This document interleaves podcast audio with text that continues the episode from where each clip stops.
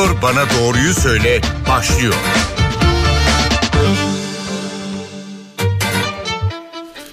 NTV Radyo'dan iyi günler. Ben Aynur Altunkaş. Yeni bir Doktor Bana Doğruyu Söyle programıyla birlikteyiz.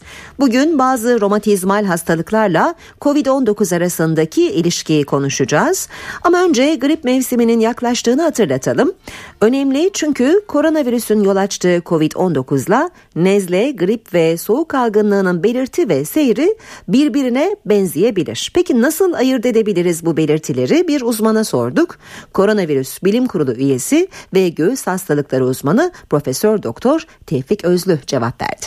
Nezle biraz daha kolay hafif bir hastalıktır. Nezlede e, sadece esas olan şey burun akıntısı, burun tıkanması, hapşurma, burunda dolgunluk hissi, geniz akıntısı şeklinde olabilir. E, ama onun dışında ateş olmaz, vücutta kırgınlık, kansızlık, ağrılar, baş ağrısı, kas ağrıları olmaz. Hafif bir baş ağrısı belki olabilir ama şiddetli bir baş ağrısı olmaz. Yani tam bir hastalık tablosu değildir. Sadece burunla ilgili, e, lokal, orayla ilgili şikayetler söz konusudur. Nezle için hani çok kaygı duymuyorum ben. Nezleyi kolay ayırt edebiliriz. Ama griple COVID-19 gerçekten karıştırılabilir. Kolay da ayırt edilmesi zor ama gripte nezle semptomları olur. Hani burun akıntısı, hı hı. hapşırma, burunda tıkanma, burunda dolgunluk, geniz akıntısı, boğaz ağrısı, e, tad alma, koku alma kaybı olur. Bunlar Covid'de de kısmen olur ama Covid'de burun tıkanıklığı, hapşırma, akıntı çok olmuyor. Daha çok tad alma duyusunda kayıp ve koku alma duyusunda kayıp olabiliyor. Boğazda bir miktar yanma, acıma, ağrı Covid'li hastalarda da var, gripte de olabiliyor. Baş ağrısı her ikisinde de olabilir. Vücutta yaygın kas ağrıları, eklem ağrıları, sırt ağrıları olabilir her ikisinde de. Öksürük her ikisinde olabilir. Ateş her ikisinde olabilir. Nefes darlığı, e, solunum sıkıntısı COVID'de daha yoğun olarak görülüyor. Onu dikkate almak lazım. Bulantı ve ishal e, COVID'de daha çok görülüyor. E, gripte de bir miktar bazen bulantı eşlik edebilir ama ishal çok hani olmaz. Bunlarla ayırt etmek zor ama sonuç itibariyle eğer hastada ağır bir grip tablosu varsa yani yüksek ateş, yaygın kas ağrıları, baş ağrısı vesaire Covid-19'da karışabilir. Onun için test yapılması lazım. Sonuçta ayırt edici testtir. Yani başka türlü de zor. Grip olunca hani her boğazı ağrıyan, her ateşi çıkan, her öksüren acaba Covid oldu mu diye bir paniğe, endişeye kapılacak. Tabii ki sağlık sistemine gelen yük artacak. Yani hastanelere başvuran hasta sayısı artacak. Test yapılması gereken kişi sayısı artacak. Hı hı. O bakımdan tedbir çok önemli. Maske kullandığımızda ve mesafeye dikkat ettiğimizde sadece Covid'i önlemiyoruz, gribi de önlüyoruz. Yani grip de azalacaktır bu durumda.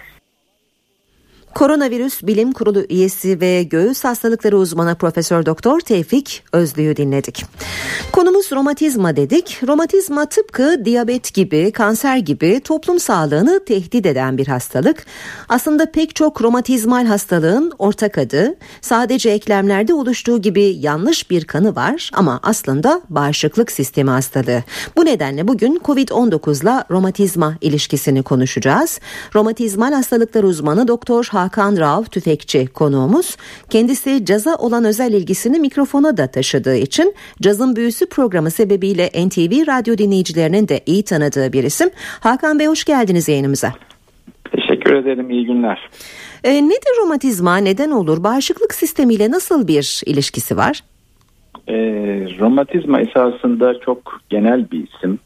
E, eklem ve eklem çevresini oluşturan bütün elemanların e, zamanla, aşınmayla ya da bir kaza sonucu hasar gördükten ve tamiri bittikten sonra buralarda ortaya çıkan hastalıklar olduğu gibi vücudu savunan mekanizma yani bizim bağışıklık mekanizmamızın vücuda oynadığı bir algı operasyonudur esasında. İltihap romatizma adını verdiğimiz bu olay e, romatizmal hastalıkların yüzde onunu oluştursa da romatizma denince akla hep o gelir. Ve romatizmal hastalıklar üzerine sohbetlerde bilimsel e, konuşmalar, işte televizyon programları, radyo programlarında hep bu yüzde onluk kısım ön plandadır. Ama hastalığın yüzde doksanı mekanik kökenli zaman aşımı, yaşlılık, kötü kullanma, kötü spordan oluşan eklem hasarlarıdır. E, o yüzden e, mekanik grup esasında romatizmal hastalıkların üvey evladıdır. Çünkü kimse pek e, prim vermez. Çünkü öbür tarafta daha bol gözyaşı, daha çok acı ve daha çok ızdırap olduğu için belki de evet. ve tedavi sürecinin zor olması bir de iltihaplı romatizmal hastalıklar adını verdiğimiz grupta tanı koymanın e, zor olması, başka hastalıklarla karışması ve bulguları sebebiyle de sadece eklem değil eklem dışında da ciltte, deride, iç organlarda hasar yapması sebebiyle iltihaplı romatizmal hastalıklar grup olarak daha ön plandadır. E, bu hastalıkların bazılarının isimlerini sayabilir misiniz Hakan Bey? Şimdi iltihaplı romatizma denince akla e, iki tane büyük grup var. Bir tanesi romatoid artrit e, hastalığı. Romatoid artrit dünyada en çok görülen e, iltihaplı romatizmalardan bir tanesi. E, ellerde e, daha çok deformte yapmak bilinir ama esasında e, romatoid artrit sadece el el bileği değil, dirsek, omuz, kalça, diz, ayak bileği gibi birçok eklemde hasar yaratabilir. Hatta çok ileri vakalarda artık günümüzde görülmese bile omurgada sadece boyun kısmında e, hasar yaratan bir hastalıktır çok ileri vakalarda. İlginç olan şudur romatoid artritin genelde omurgaya pek dokunması söz konusu değildir. Çok ileri vakalardaki boyun dışında. Bir de omurganın kendi romatizması vardır. Tıbbi adıyla spondilartrit denen ama bizde daha çok e, bir bilim adamıyla çok ünlü bir tiyatrocumuzun işte rahmetli oldu. Ahmet Mete Işıkara ve Son Pekgülsen'in hastalığı olarak bilinir. Ankilozan spondilit hastalığı. Evet. İşte omurga romatizmasının en tipik hastalığından bir tanesidir. Bu hastalık, bu iki tane hastalık zaten hani e, dünyada en çok görülen iki hastalıktır. İltihaplı romatizma içinde ama iltihaplı romatizmanın çok türleri var. Örneğin omurga romatizması dediğiniz zaman sedef romatizması da bu gruba giriyor. Yani cildinizde sedef hastalığı var. Bir de eklem hastalığınız var iltihaplı türünden. Kalın bağırsak romatizması var. Yani bağırsakta e, yani kalın bağırsağınızda bir problem var. Bu hastalıkla beraber eklem hastalığınız var. İşte bunun adı da enterik artropati Türkçe çevirirse kalın bağırsağın iltihaplı romatizması. Eklem dışında eklemlere az zarar veren fakat eklem çevresi e, kas ve tendonlarda sıkıntı yaratan bir omurga romatizması tipi var. Bunun tıbbi adı entezopatik artropati ne kadar zor bir isim ama adı hı hı. bu. Yani tendon kılıflarında şişme yapışma yerlerinde ödem yapar. Hastanın dirseği, ayak bileği, aşil tendonu, ayak tabanı ağrır. Ama eklemlerinde pek bir hasar yoktur ama eklem kılıflarında ya da ekleme yapışan tendonların yapışma yerlerinde ödem ya da işte kasa doğru uzanan kısmında ödem ve hasarla kendini gösteren hastalıklardır bunlar. Bir diğer hastalık tipi daha çok sistemik hastalıklar e, e, adı altında incelenen e, bağ dokusu hastalıkları tıbben konektif doku hastalığı denen hastalıklardır. Bunun da en çok bilineni lupustur. Çünkü lupus kere çok eskiden beri tarifi edilmiş bir hastalıktır. Yani kitaplarda çok eski yıllardan beri vardır. İkincisi lupus insanı korkutur. Çünkü lupusta kalp ve böbrek tutulumu bazen eklem tutulumunun önüne geçebilir. Lüpusu bağışıklık kadar... sistemiyle aynı cümle içinde genelde duyuyoruz. Evet evet. E, bütün bu iltihap romatizma hastalıklar esasında bizim vücudu savunan immün sistem adını verdiğimiz bağışıklık mekanizmasının vücuda savunma refleksini vereceği yerde hücum refleksini vermesiyle oluşur. Örnek vereyim. Sizin immün sisteminize bir gün bir haber gelir ayak bileğinde bir ekleme saldırı olacak. Buraya git ve o bölgeyi koru. Hı hı. Bunun görevi o eklemi korumaktır. Esasında bu gelen mesaj yanlıştır.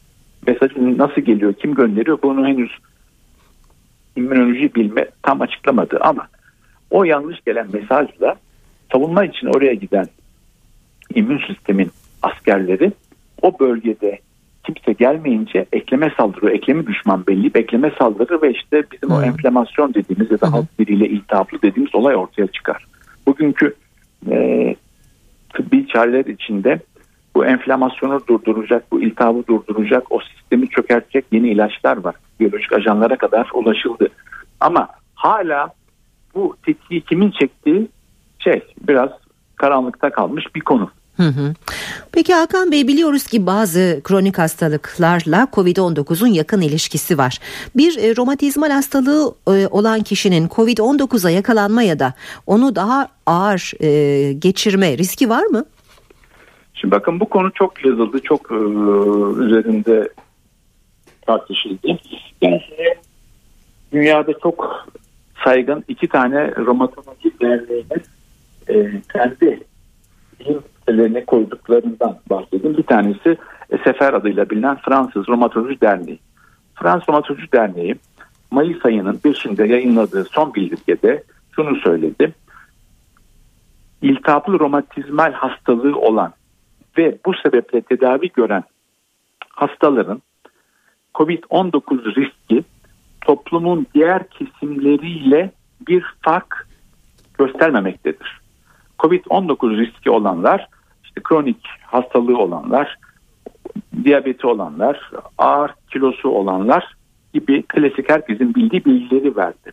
Aynı bilgi yaklaşık 15 gün evvelde İngiliz Romatoloji Derneği'nin sayfasında yayınlandı. Fakat bizim ülkemizde örneğin Romatizma ile Savaş Derneği'nin sitesinde romatizmal hastalık tedavisi gören, iltihaplı romatizma kullanan ve immün sistem üzerine etkili ilaç kullanan insanların COVID-19'a toplumun sağlıklı kesimlerine göre daha açık olma ihtimalinden bahsedildi. Neden? Çünkü immün sistemi etkileyen ilaç kullandığınız zaman immün sistem üzerinde bir baskı oluşturduğunuz için COVID-19'un da buradan bir kolay yolla bu tür insanlara etki etme ihtimalinden bahsedildi. Ama hı hı. bahsetmiş olduğu bu üç tane bilim cemiyetinin hiçbir tanesi iltihaplı romatizma hastalarına ilaçlarınızı bırakın hastalık size zarar verecek gibi bir açıklama yapmadı. Ama maalesef medya yoluyla ya da e, sosyal medya yoluyla bu tür haberler çok yayıldı ve çok insan hekimine danışmadan ilacını bırakmak zorunda kaldı. Unutmayalım ki bugün dünyada hala büyük bir tartışma konusu olan ve COVID-19'da en yaygın kullanılan bir tedavi protokolünün içinde kinin var. Hidroksiklorokin. Bu ilaç dünyada en çok kullanılan iltihaplı romatizma ilaçlarından bir tanesi. Yani bu ilaç şu anda tartışmalı. Kimi ekipler ilacın işe yaradığını savunuyor, kimi ekipler tam tersini savunuyor. Çünkü bu çok ciddi dünyada bilhassa başta Fransa olmak üzere Amerika'da bile bunun bilimsel savaşı devam ediyor. Ama evet. bu ilaç hala ülkemizde de çok kullanılıyor. Ülkemizde de COVID hastalarının tedavisinin birçoğunda kinin artı bir antibiyotik kullanıldı. Yani o yüzden iltihaplı romatizması olan hastaların kesinlikle ilaçlarını bırakmamaları, COVID-19'a yakalandıkları zaman ayrı bir hikayedir bu. Ama kullandıkları ilaçları kortizon dahil söylüyorum. Bakın kortizon tedavi ilacı olmamasına rağmen hı hı. iltihaplı romatizmada birçok insanın hayat kalitesini artıran bir ilaç olduğu için onu bile doktorlar kullanmaya devam edin diyor. Evet. Ve bunu diyenler sonuçta dünyanın çok saygın iki tane romatoloji bilim derneği. Hı hı. Çok önemli bir şey söylüyorsunuz. Üstelik toplumda e, yaygın bir hastalık olduğunu da başta söyledik. E, romatizmanın, romatizmal hastalıkların. Şu anda bizi dinleyen e, dinleyicilerimiz için çok önemli uyarılar bunlar. E, şunu da soralım. Şimdi eklem ağrısı dedik ya hani sadece eklemleri tutan bir hastalık olarak bilinir e, romatizma ve eklemlerimiz ağrır.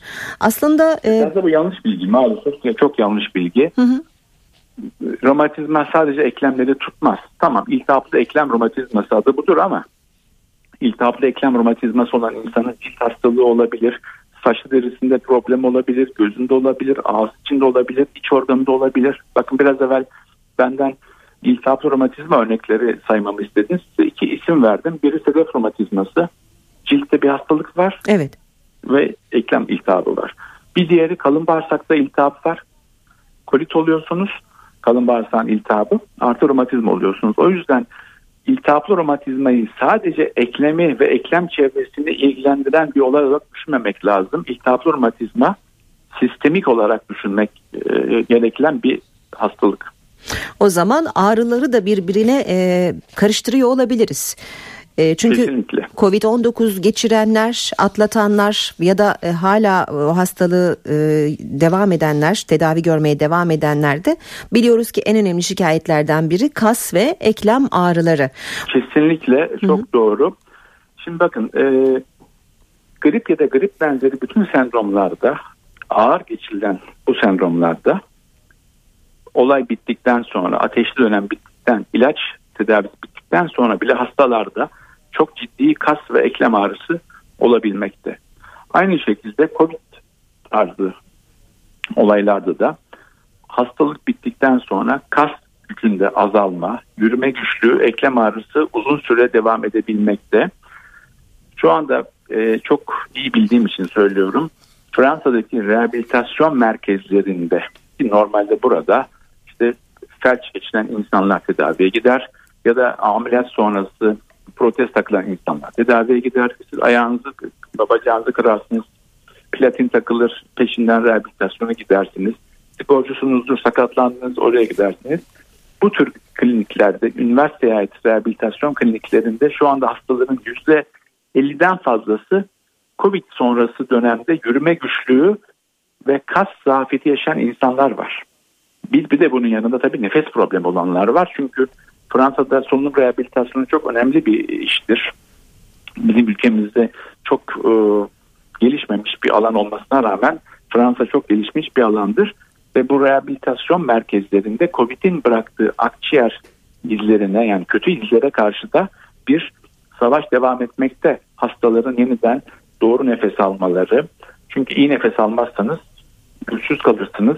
Nefes hı hı. nefese kalırsanız hı hı. vücudunuz size istediği yanıtı veremez. Yani o açıdan Covid sonrası dönemdeki eklem ağrıları ve kas ağrıları hemen hemen bütün hastaların başına gelen bir olay. Evet. Hakan Bey e, çok teşekkür ederiz programımıza konuk olduğunuz için ve ben bizi birçok konuda aydınlattığınız için. İyi günler, iyi yayınlar. Romatizmal hastalıklar uzmanı Doktor Hakan Rauf Tüfekçi programın bu bölümünde konuğumuzdu. Devam ediyoruz doktor bana doğruyu söyleye. E, göz akında e, kızarıklık belirtisiyle ortaya çıkan bir hastalık var. Hüveyt. E, bir göz hastalıkları uzmanına gittiğinizde sizden bir romatologla görüşmeniz istenir. Peki nasıl bir ilgisi var? Bunu da e, göz hastalıkları uzmanı operatör doktor Aylin Koç Akbay'a sorduk. Önce üvea ne demek ondan başlayalım isterseniz. Çünkü çok yabancı bir terim birçok kişiye. Ee, normalde gözümüzün göz küresi üç tabakadan oluşuyor ve orta tabakanın ismi esasında üvea. Bu tabaka esasında gözün besleyici damardan zengin tabakası ve gözlerdeki dokuların beslenmesine de aracılık eden bir e, doku üvea. Ee, ve üveyanın yani orta tabakanın bu damarlı tabakanın iltihaplanmasına da üveit deniliyor. Ee, eğer bir göz doktoru size üveit geçirdiğinizi söylüyor ise e, öncelikle bu üveitin hangi tip olduğunu da belirtmek zorunda. Çünkü buna göre bizim e, yani hastanın yol alışı değişiyor. E, gözün tabakalarına göre üveit tipleri de üçe ayrılıyor. Ön, orta ve arka üveit tipi ve eğer arka üveit tutulmu varsa veya bunların hepsinin tutulmu varsa buna da panüveit deniliyor. Ki panüveit geçiren veya orta üveit geçiren hastalarda eğer tedavi edilmezse ciddi bir görme kaybı yani körlük derecesine giden bir görme kaybına e, varabiliyor. Ve en önemlisi de üyeyi tekrarlanabilen bir hastalık ve buna da biz doktorlar arasında atak diyoruz. Yani hastaya atak geçirdiniz mi? Daha önce böyle bir şeyiniz oldu mu diye mutlaka soruyoruz. Ee, bu üveyikler esasında altta yatan bir hastalık olmaksızın hasta direkt e, bu orta tabakası iltihabını da geçirebilir. Ama başka organların e, etkilendiği iltihaplı hastalıkların bir parçası da olabiliyor. Hatta ilk bulgusu da olabiliyor. Üveit romatizmal hastalıkların ilk bulgusu olabildiği için diğer e, romatizma için takip edilen e, hastalarda ve romatiz, e, romatizma ile ilgilenen doktorlar için de önemli. Çünkü e, eğer ilk bulgusu veya romatizmal hastalığa eşlik eden bir e, şekilde üveit görülüyorsa romatizmanın da çok ağır geçebileceğini e, bize e, sinyalini veriyor.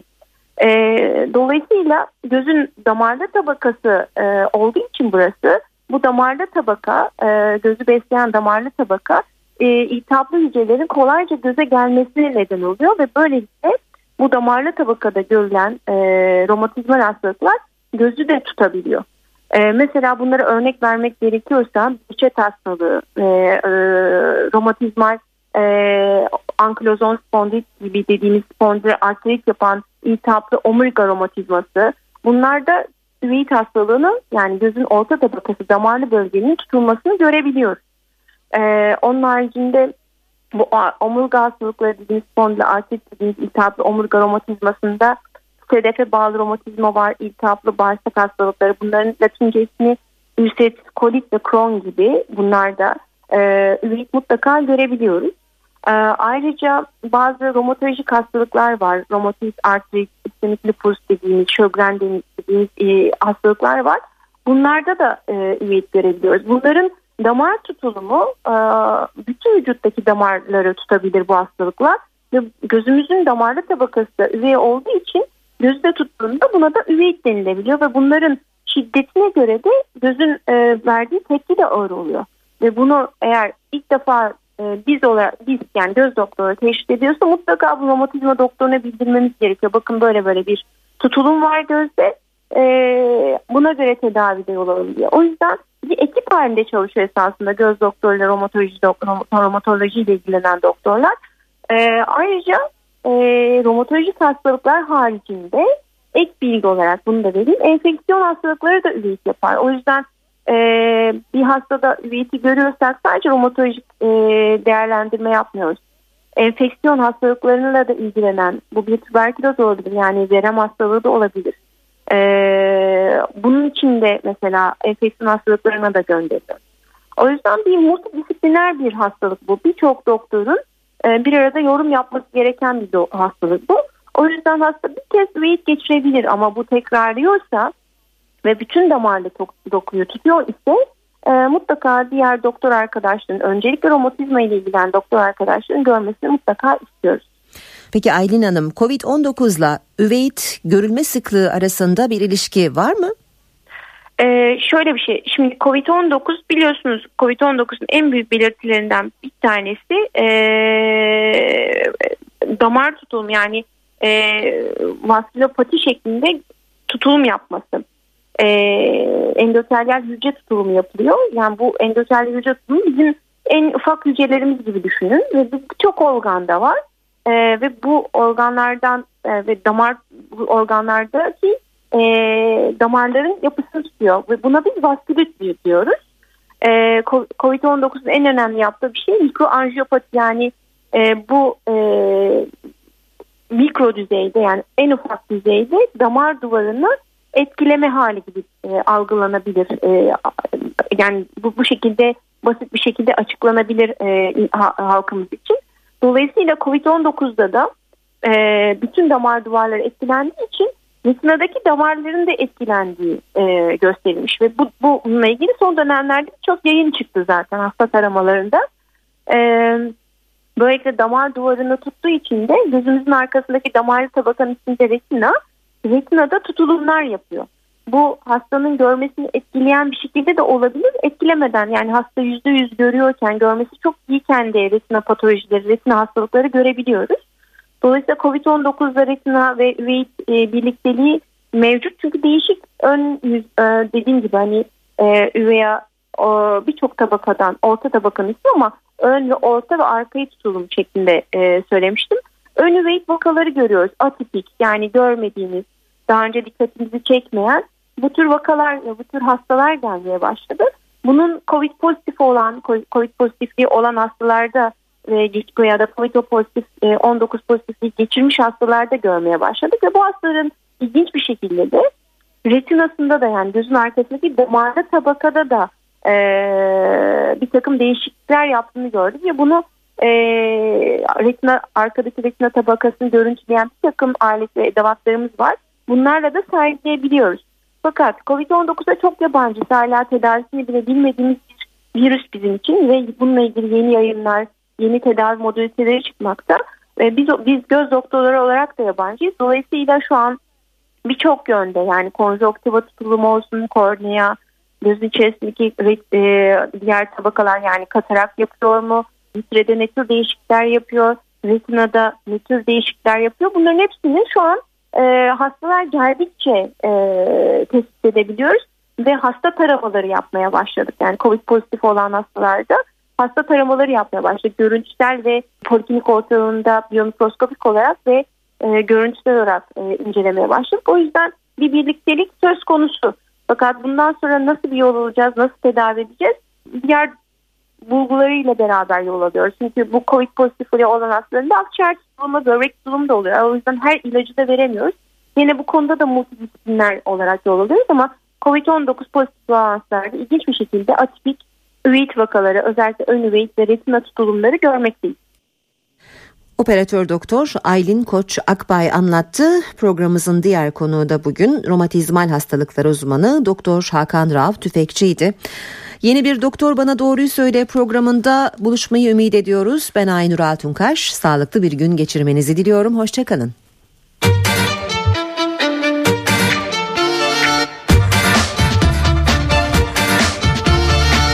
Doktor Bana Doğruyu Söyle